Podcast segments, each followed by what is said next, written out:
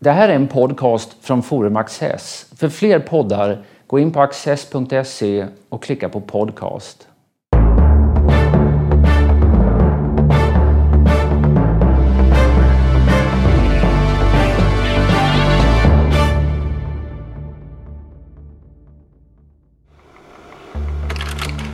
Thomas Mann fick under 1940-talet status nästan som ett alternativt Tyskland. Från sin amerikanska exil kunde han göra anspråk för att tala för en tysk nation som inte var Hitlers. Vägen till statsmannalik ställning och moralisk auktoritet hade gått över ett antal till omfång och ambition väldiga romanverk. Huset Buddenbrook om 1800-talsborgerlighetens försvagning. Bergtagen om de stämningar ur vilka ett europeiskt inbördeskrig uppstår. Och Josefsviten om upprinnelsen till ett normsystem med individuellt ansvarstagande. Åke Leijonhufvud, författare och litteraturkritiker som just har lagt sista handen vid ett manus om Thomas Manns diktning, samtalar med Peter Luttersson. Thomas Mann är eh, en författare av eh, monument, monumentmateria.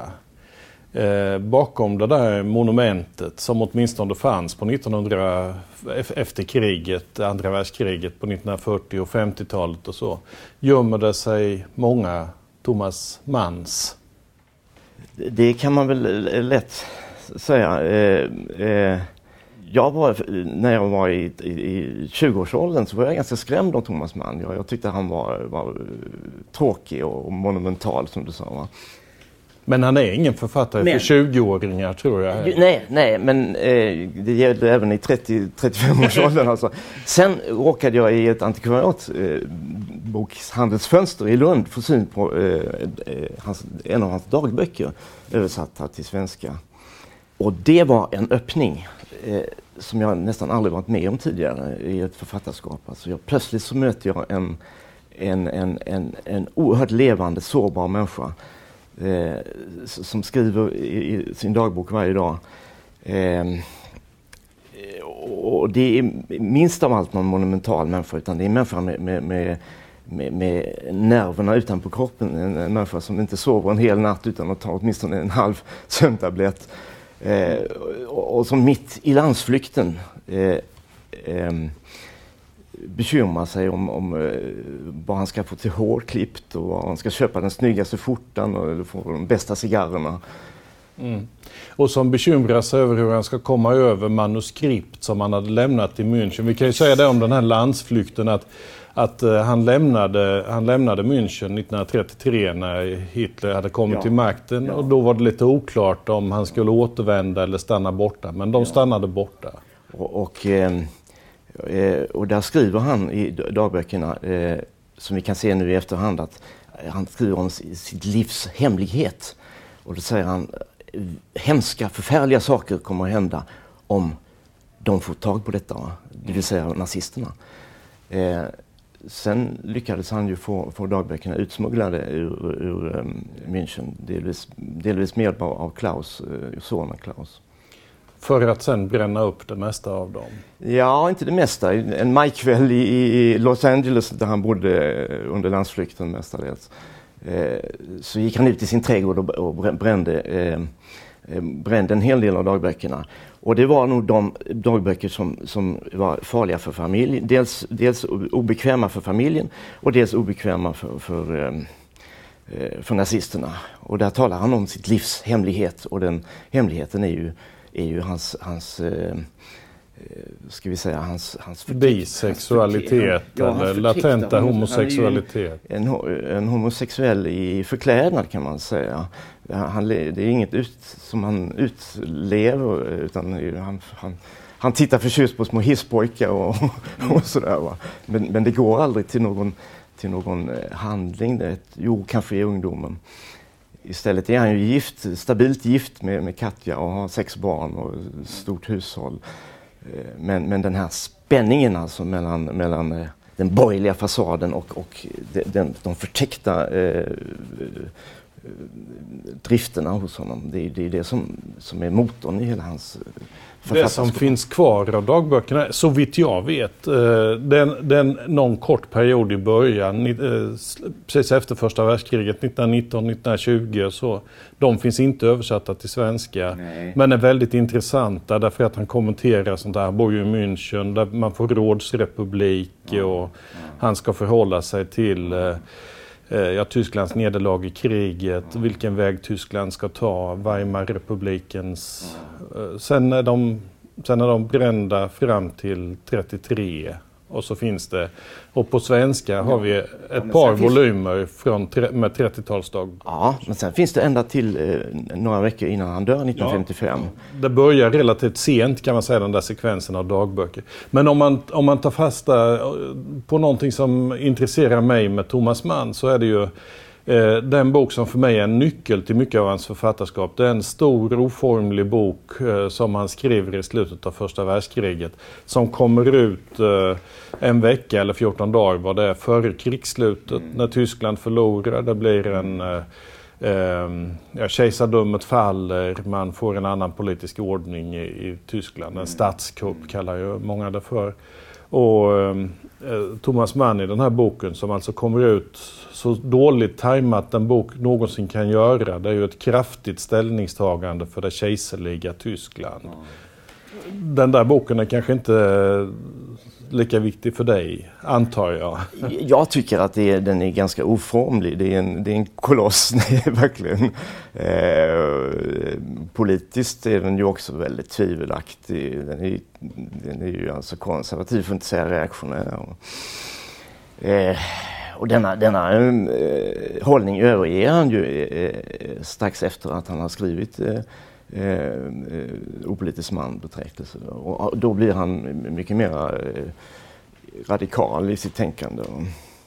Och det, det, det, det kan vi också se i, i de dagböcker som, som, som finns, alltså där han läser efter, först efter de här intima detaljerna så, så, övergår han till att läsa lusen av Hitler och så vidare och, och tar klart ställning mot, mot nationalism. Men Hitler var ju inte konservativ eller radikal utan han var ju äh, konservativ eller reaktionär för han var ju radikal i, mm. enligt mitt sätt mm. att se. Mm. Det är klart att eh, Thomas Mann efter kriget eh, i de där dagböckerna 1919-1920 han flörtar lite med eh, med kommunismen då under mm. rådsrepubliken. Och han, han, eh, för, därför att det är en motpol till det han tycker så illa om, nämligen demokratierna mm. med sin marknadsråhet och sin banalitet och sin förströelsestat och underhållningsstat och sånt där som man kallar det det där är ju något som man lämnar och, och som jag inte förknippar med den, den eh, man som jag intresserar mig för och, lä läser. Eh. Ja, eh, vi, vi, ska, vi, kan strax eh, byta spår till den man du läser men, men jag vill bara kommentera en sak till. Som jag, jag har uppfattningen att Thomas Mann egentligen aldrig någonsin byter politisk uppfattning. Eh, han, han ställer upp ett antal värdekategorier som har med livets höghet och, och kulturens djup och allvar och sådant eh, att göra. Och sedan kan han tycka att olika eh, ideologier och olika gestalter blir försvarare av de här värdena i olika situationer. Eh, under första världskriget så ser han Tyskland som försvararen av högkultur och civilisation och frihet i hans mening. Alltså till exempel frihet från politik. Det är ju det opolitisk betyder. Eh, medan sen under en period så, så är han snarare liberal och under 30-talet eh, tar han ju ställning för de anglosaxiska länderna Därför att det är de som försvarar civilisation mot den här demokratin i dess tyska uppenbarelseform, Hitler. Och på 50-talet närmast socialist eh, därför att han då eh, kopplar eh, samman försvaret av det, kulturen. Det är, intress det är intressant att se när, när han eh, ska återvända. Han är ju, han är ju landsflykt från 1933 till 52 eh, eller något sånt där tror jag det är. Väldigt lång landsflykt alltså. När, han sen, eh, när marken börjar bränna under fötterna i Amerika på grund av eh, kommunistförföljelserna så vill han återvända till, till, till Europa. Men då skriver han i sin dagbok, inte till Tyskland som han finner vilt främmande. Mm. Han skulle aldrig kunna vila i, i, i, i tysk jord, säger han igen. Eh, utan det blir Schweiz eh, som han återvänder. Han återvänder till det tyska språket i alla fall som miljö. Så. Där, där jag är, är Tyskland, säger han. Det är, och leker ja, Goethe nästan. Ja, ja.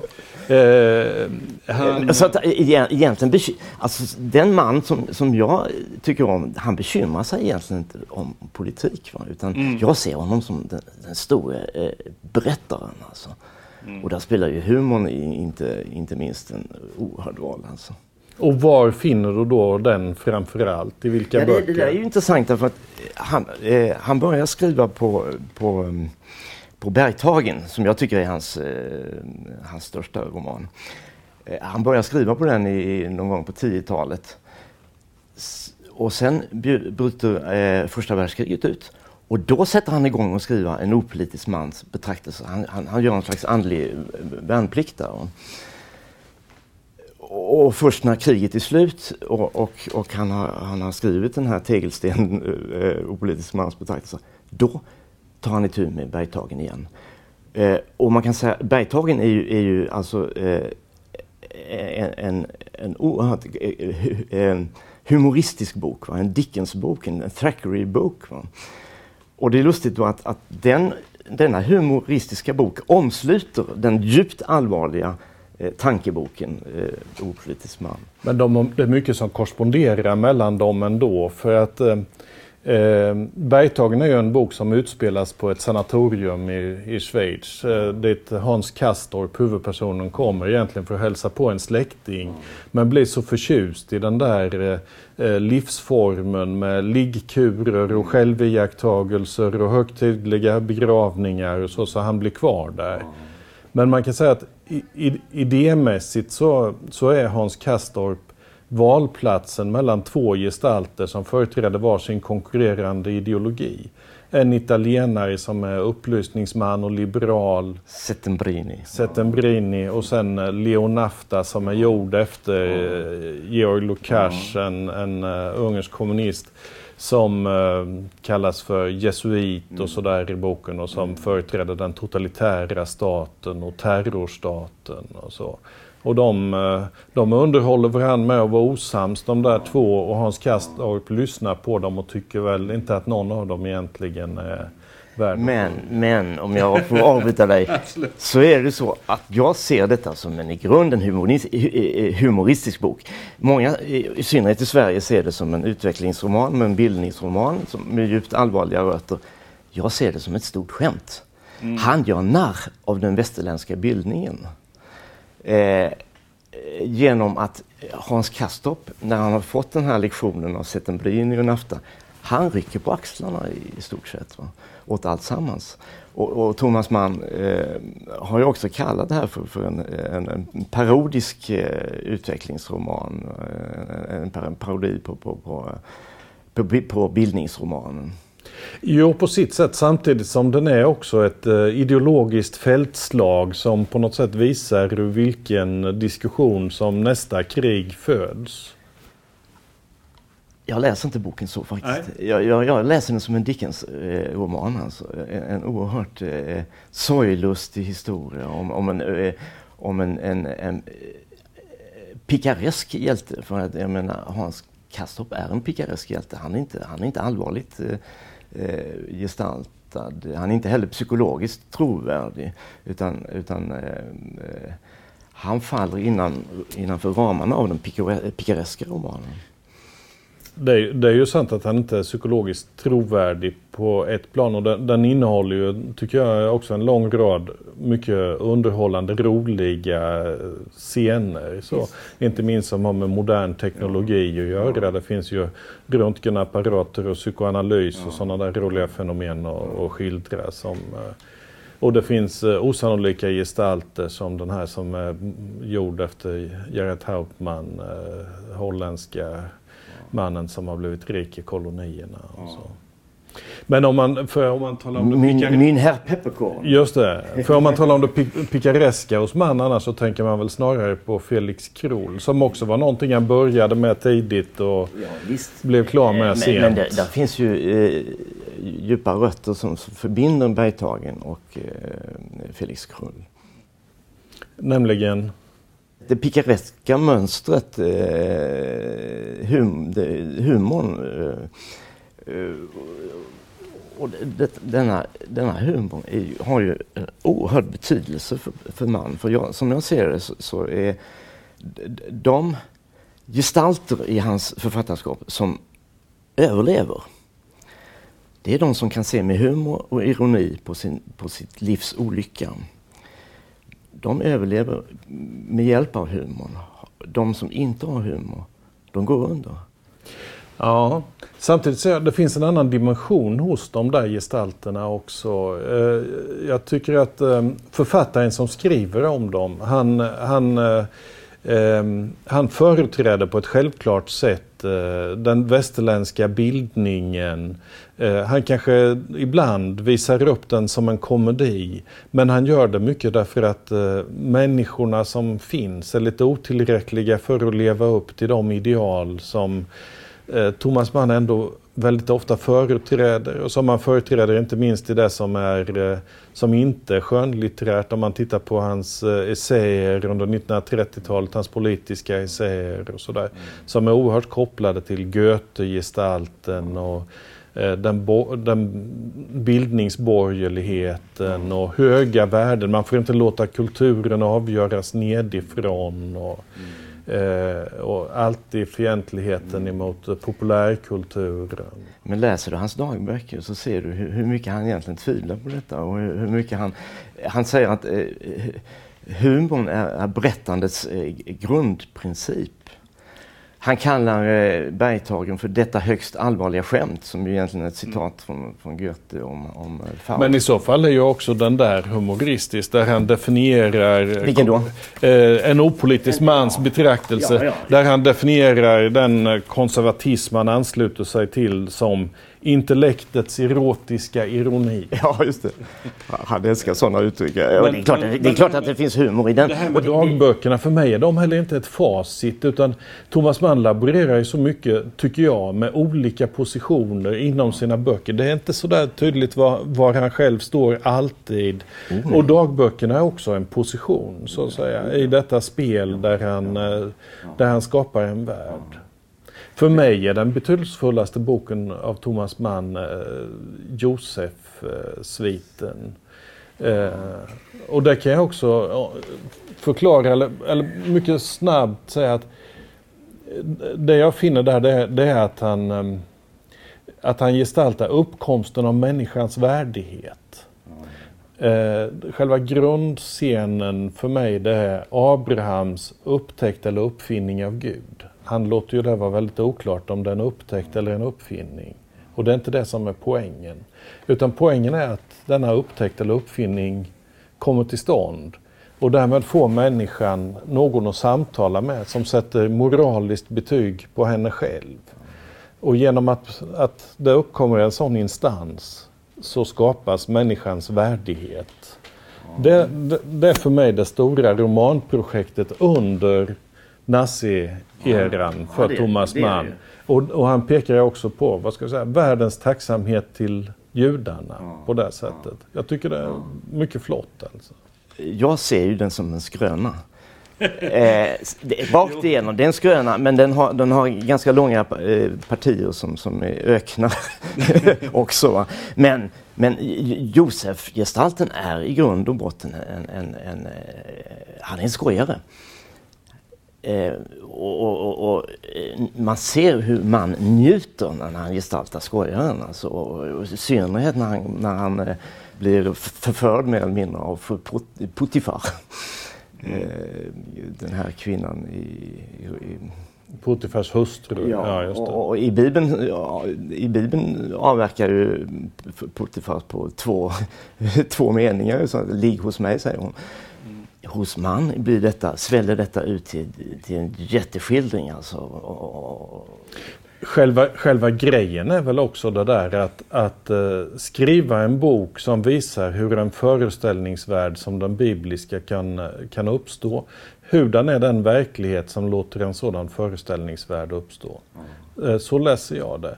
Mm. Men, men eh, visst, det är ofta skrivet på gott humör där också och skojar, absolut. Mm. Men Sartre sa en gång om Paul Valéry Eh, det är sant att eh, Paul Valéry är en småborgare, men varje småborgare är inte Paul Valéry. Och det där tycker jag gäller också med, med det här med eh, det humoristiska eller skämtsamma. Det är sant att Thomas Mann är skämtsam och humoristisk, men Ja, varje, men humorist, inte, varje humorist är inte Thomas ah, Mann. Nej, just det. Men, men får man humorist idag är ju någon som egentligen sysslar med, med, med, med vitsar och trams och flams. Va? Det, är, mm. det är det vi lägger in i begreppet humor idag. Men, men för man är begreppet humor något mycket, mycket djupare. Det är en livssyn. En livshållning. Det är en livshållning. Och det är med hjälp av denna livshållning som man löser sitt livs eh, stora konflikter. Alltså de, mellan eh, borgerskap och konstnärskap, mellan ande och liv, mellan själ och kropp. denna spricka som går rakt igenom hela hans författarskap. Detta löser han med hjälp av ironi och, och, och humor. Det har vi, eh, om man, då går man tillbaka, det där finner man ju i hans eh, tidiga stora böcker, Buddenbrock och och eh, Tony Kröger till exempel. Det är mycket, mycket försynt gestaltat igen. Humorn finns hos... hos Men jag menar det här med, med eh, andlighet och materialitet ja, ja, och mm. konst och borgerlighet och sådana saker. Det, det, är ju det är liksom stommen i hela hans, mm. hela hans och det finns redan från början. finns det. Men du, du säger den spricka, men, men han är också på något sätt, han är sympatiskt ställd till båda sidor. Ja, därför att han har Zwei Seelen wohnen i meinem Brust, säger, säger eh, två, jag har två själar i mitt bröst, va? Mm. Säger, säger Faust hos Goethe. Va? Och det, det är ju Thomas Mann kallades för, lite skämtsamt för Goethes ståthållare på jorden. Va? Och han övertar hela denna problematik som, som, eh, ja, som har, finns hos Faust. Och han skriver ju också en av sina största romaner, Dr. Faustus. Mm. Där han, där han eh, men den är inte skämtsam? Eller? Det är lustigt. När han, när, när han har skrivit färdigt denna oerhört eh, allvarsamma bok va, så, så säger han jag är egentligen hum, eh, humorist, säger Thomas Mann i brev till, till vänner. Och, och humor finns i, i, eh, i, eh, i Dr. Faustus. Man, man skulle kunna uh, citera uh, uh, Milan Kunda som säger den komiska bristen på komik. Mm. Jo eh, visst, man kan alltid vrida till det ja, sådär. Ja. Eh, för mig är de där, eh, alltså, dels Lottie Weimar som är en Goethe-roman som kommer precis före kriget och dels ja. Dr. Faustus som är en, en Goethe-roman på ett, ett, annat sätt som kommer efter kriget. De är, de är för mig mycket uppgörelsen med vissa tyska tankefel som Thomas Mann själv har varit en del av. I en opolitisk mans betraktelse så, så ställer han ju olika saker mot varandra. Han ställer till exempel musik mot demokrati. Musik är tyskt, demokrati är anglosaxiskt. Mm. Eh, och då plottrar man bort sitt liv med banalitet eh, medan musik är andakt. Så. Eh, den föreställningen går sen igen på många olika ställen. Settembrini till exempel i Bergtagarna säger att musik är politiskt tvivelaktigt. I, eh, I Dr. Faustus blir ju musik verkligen politiskt tvivelaktigt. Det är en bok som handlar om en Hans Kastorp-gestalt på ett sätt som sitter och skriver om en god vän. Han är inte riktigt det, han är, han är lite mer humanist och bildad och så. Men, men eh, som sitter och skriver om sin vän som var tonsättare och som ville, eh, som ville vad ska jag säga, bryta ner kulturen för att kunna återvända till kulten. Och det är väl på något sätt, därmed blir han delaktig i samma försök när det görs av eh, de nazistiska radikalerna. Men, men humorn i, i i Dr. Faustus ligger ju inte minst i kontrasten mellan eh, levnadstecknaren eh, Seitblom, heter han va? Eh, alltså en skolfux, va? en pedant mm. som tar sig an att, att skriva en biografi över eh, Adrian Leverkühn tonsättaren, mm. som är försvuren till djävulen. Och där ligger den djupa komiken i, i, i just i kontrasten mellan, mellan eh, borgaren och konstnären. Och som på ett sätt speglar förhållandet mellan eh, Eckermann och Goethe. Säkert, säkert alltså. Det är, Goethe dyker upp överallt hos, hos uh, Thomas Mann. Han vill väl vara 1900-talets Goethe eh, på ett ja, sätt. Ja. Jag tror att det var en... en jo, han, han, han blev ju Goethes ståthållare på jorden som jo, sagt. Va? Eh, och den där Lottie i Weimar, den handlar, det, det, är också, där finns ju ett mycket komiskt inslag på ett sätt för att den handlar ju om den eh, kvinna som eh, var förebild för den kvinnliga huvudpersonen i den unga ja, Werthers ja. lidande när hon besöker den gamle, hon är ju själv också gammal då förstås, men den, den åldrade Goethe.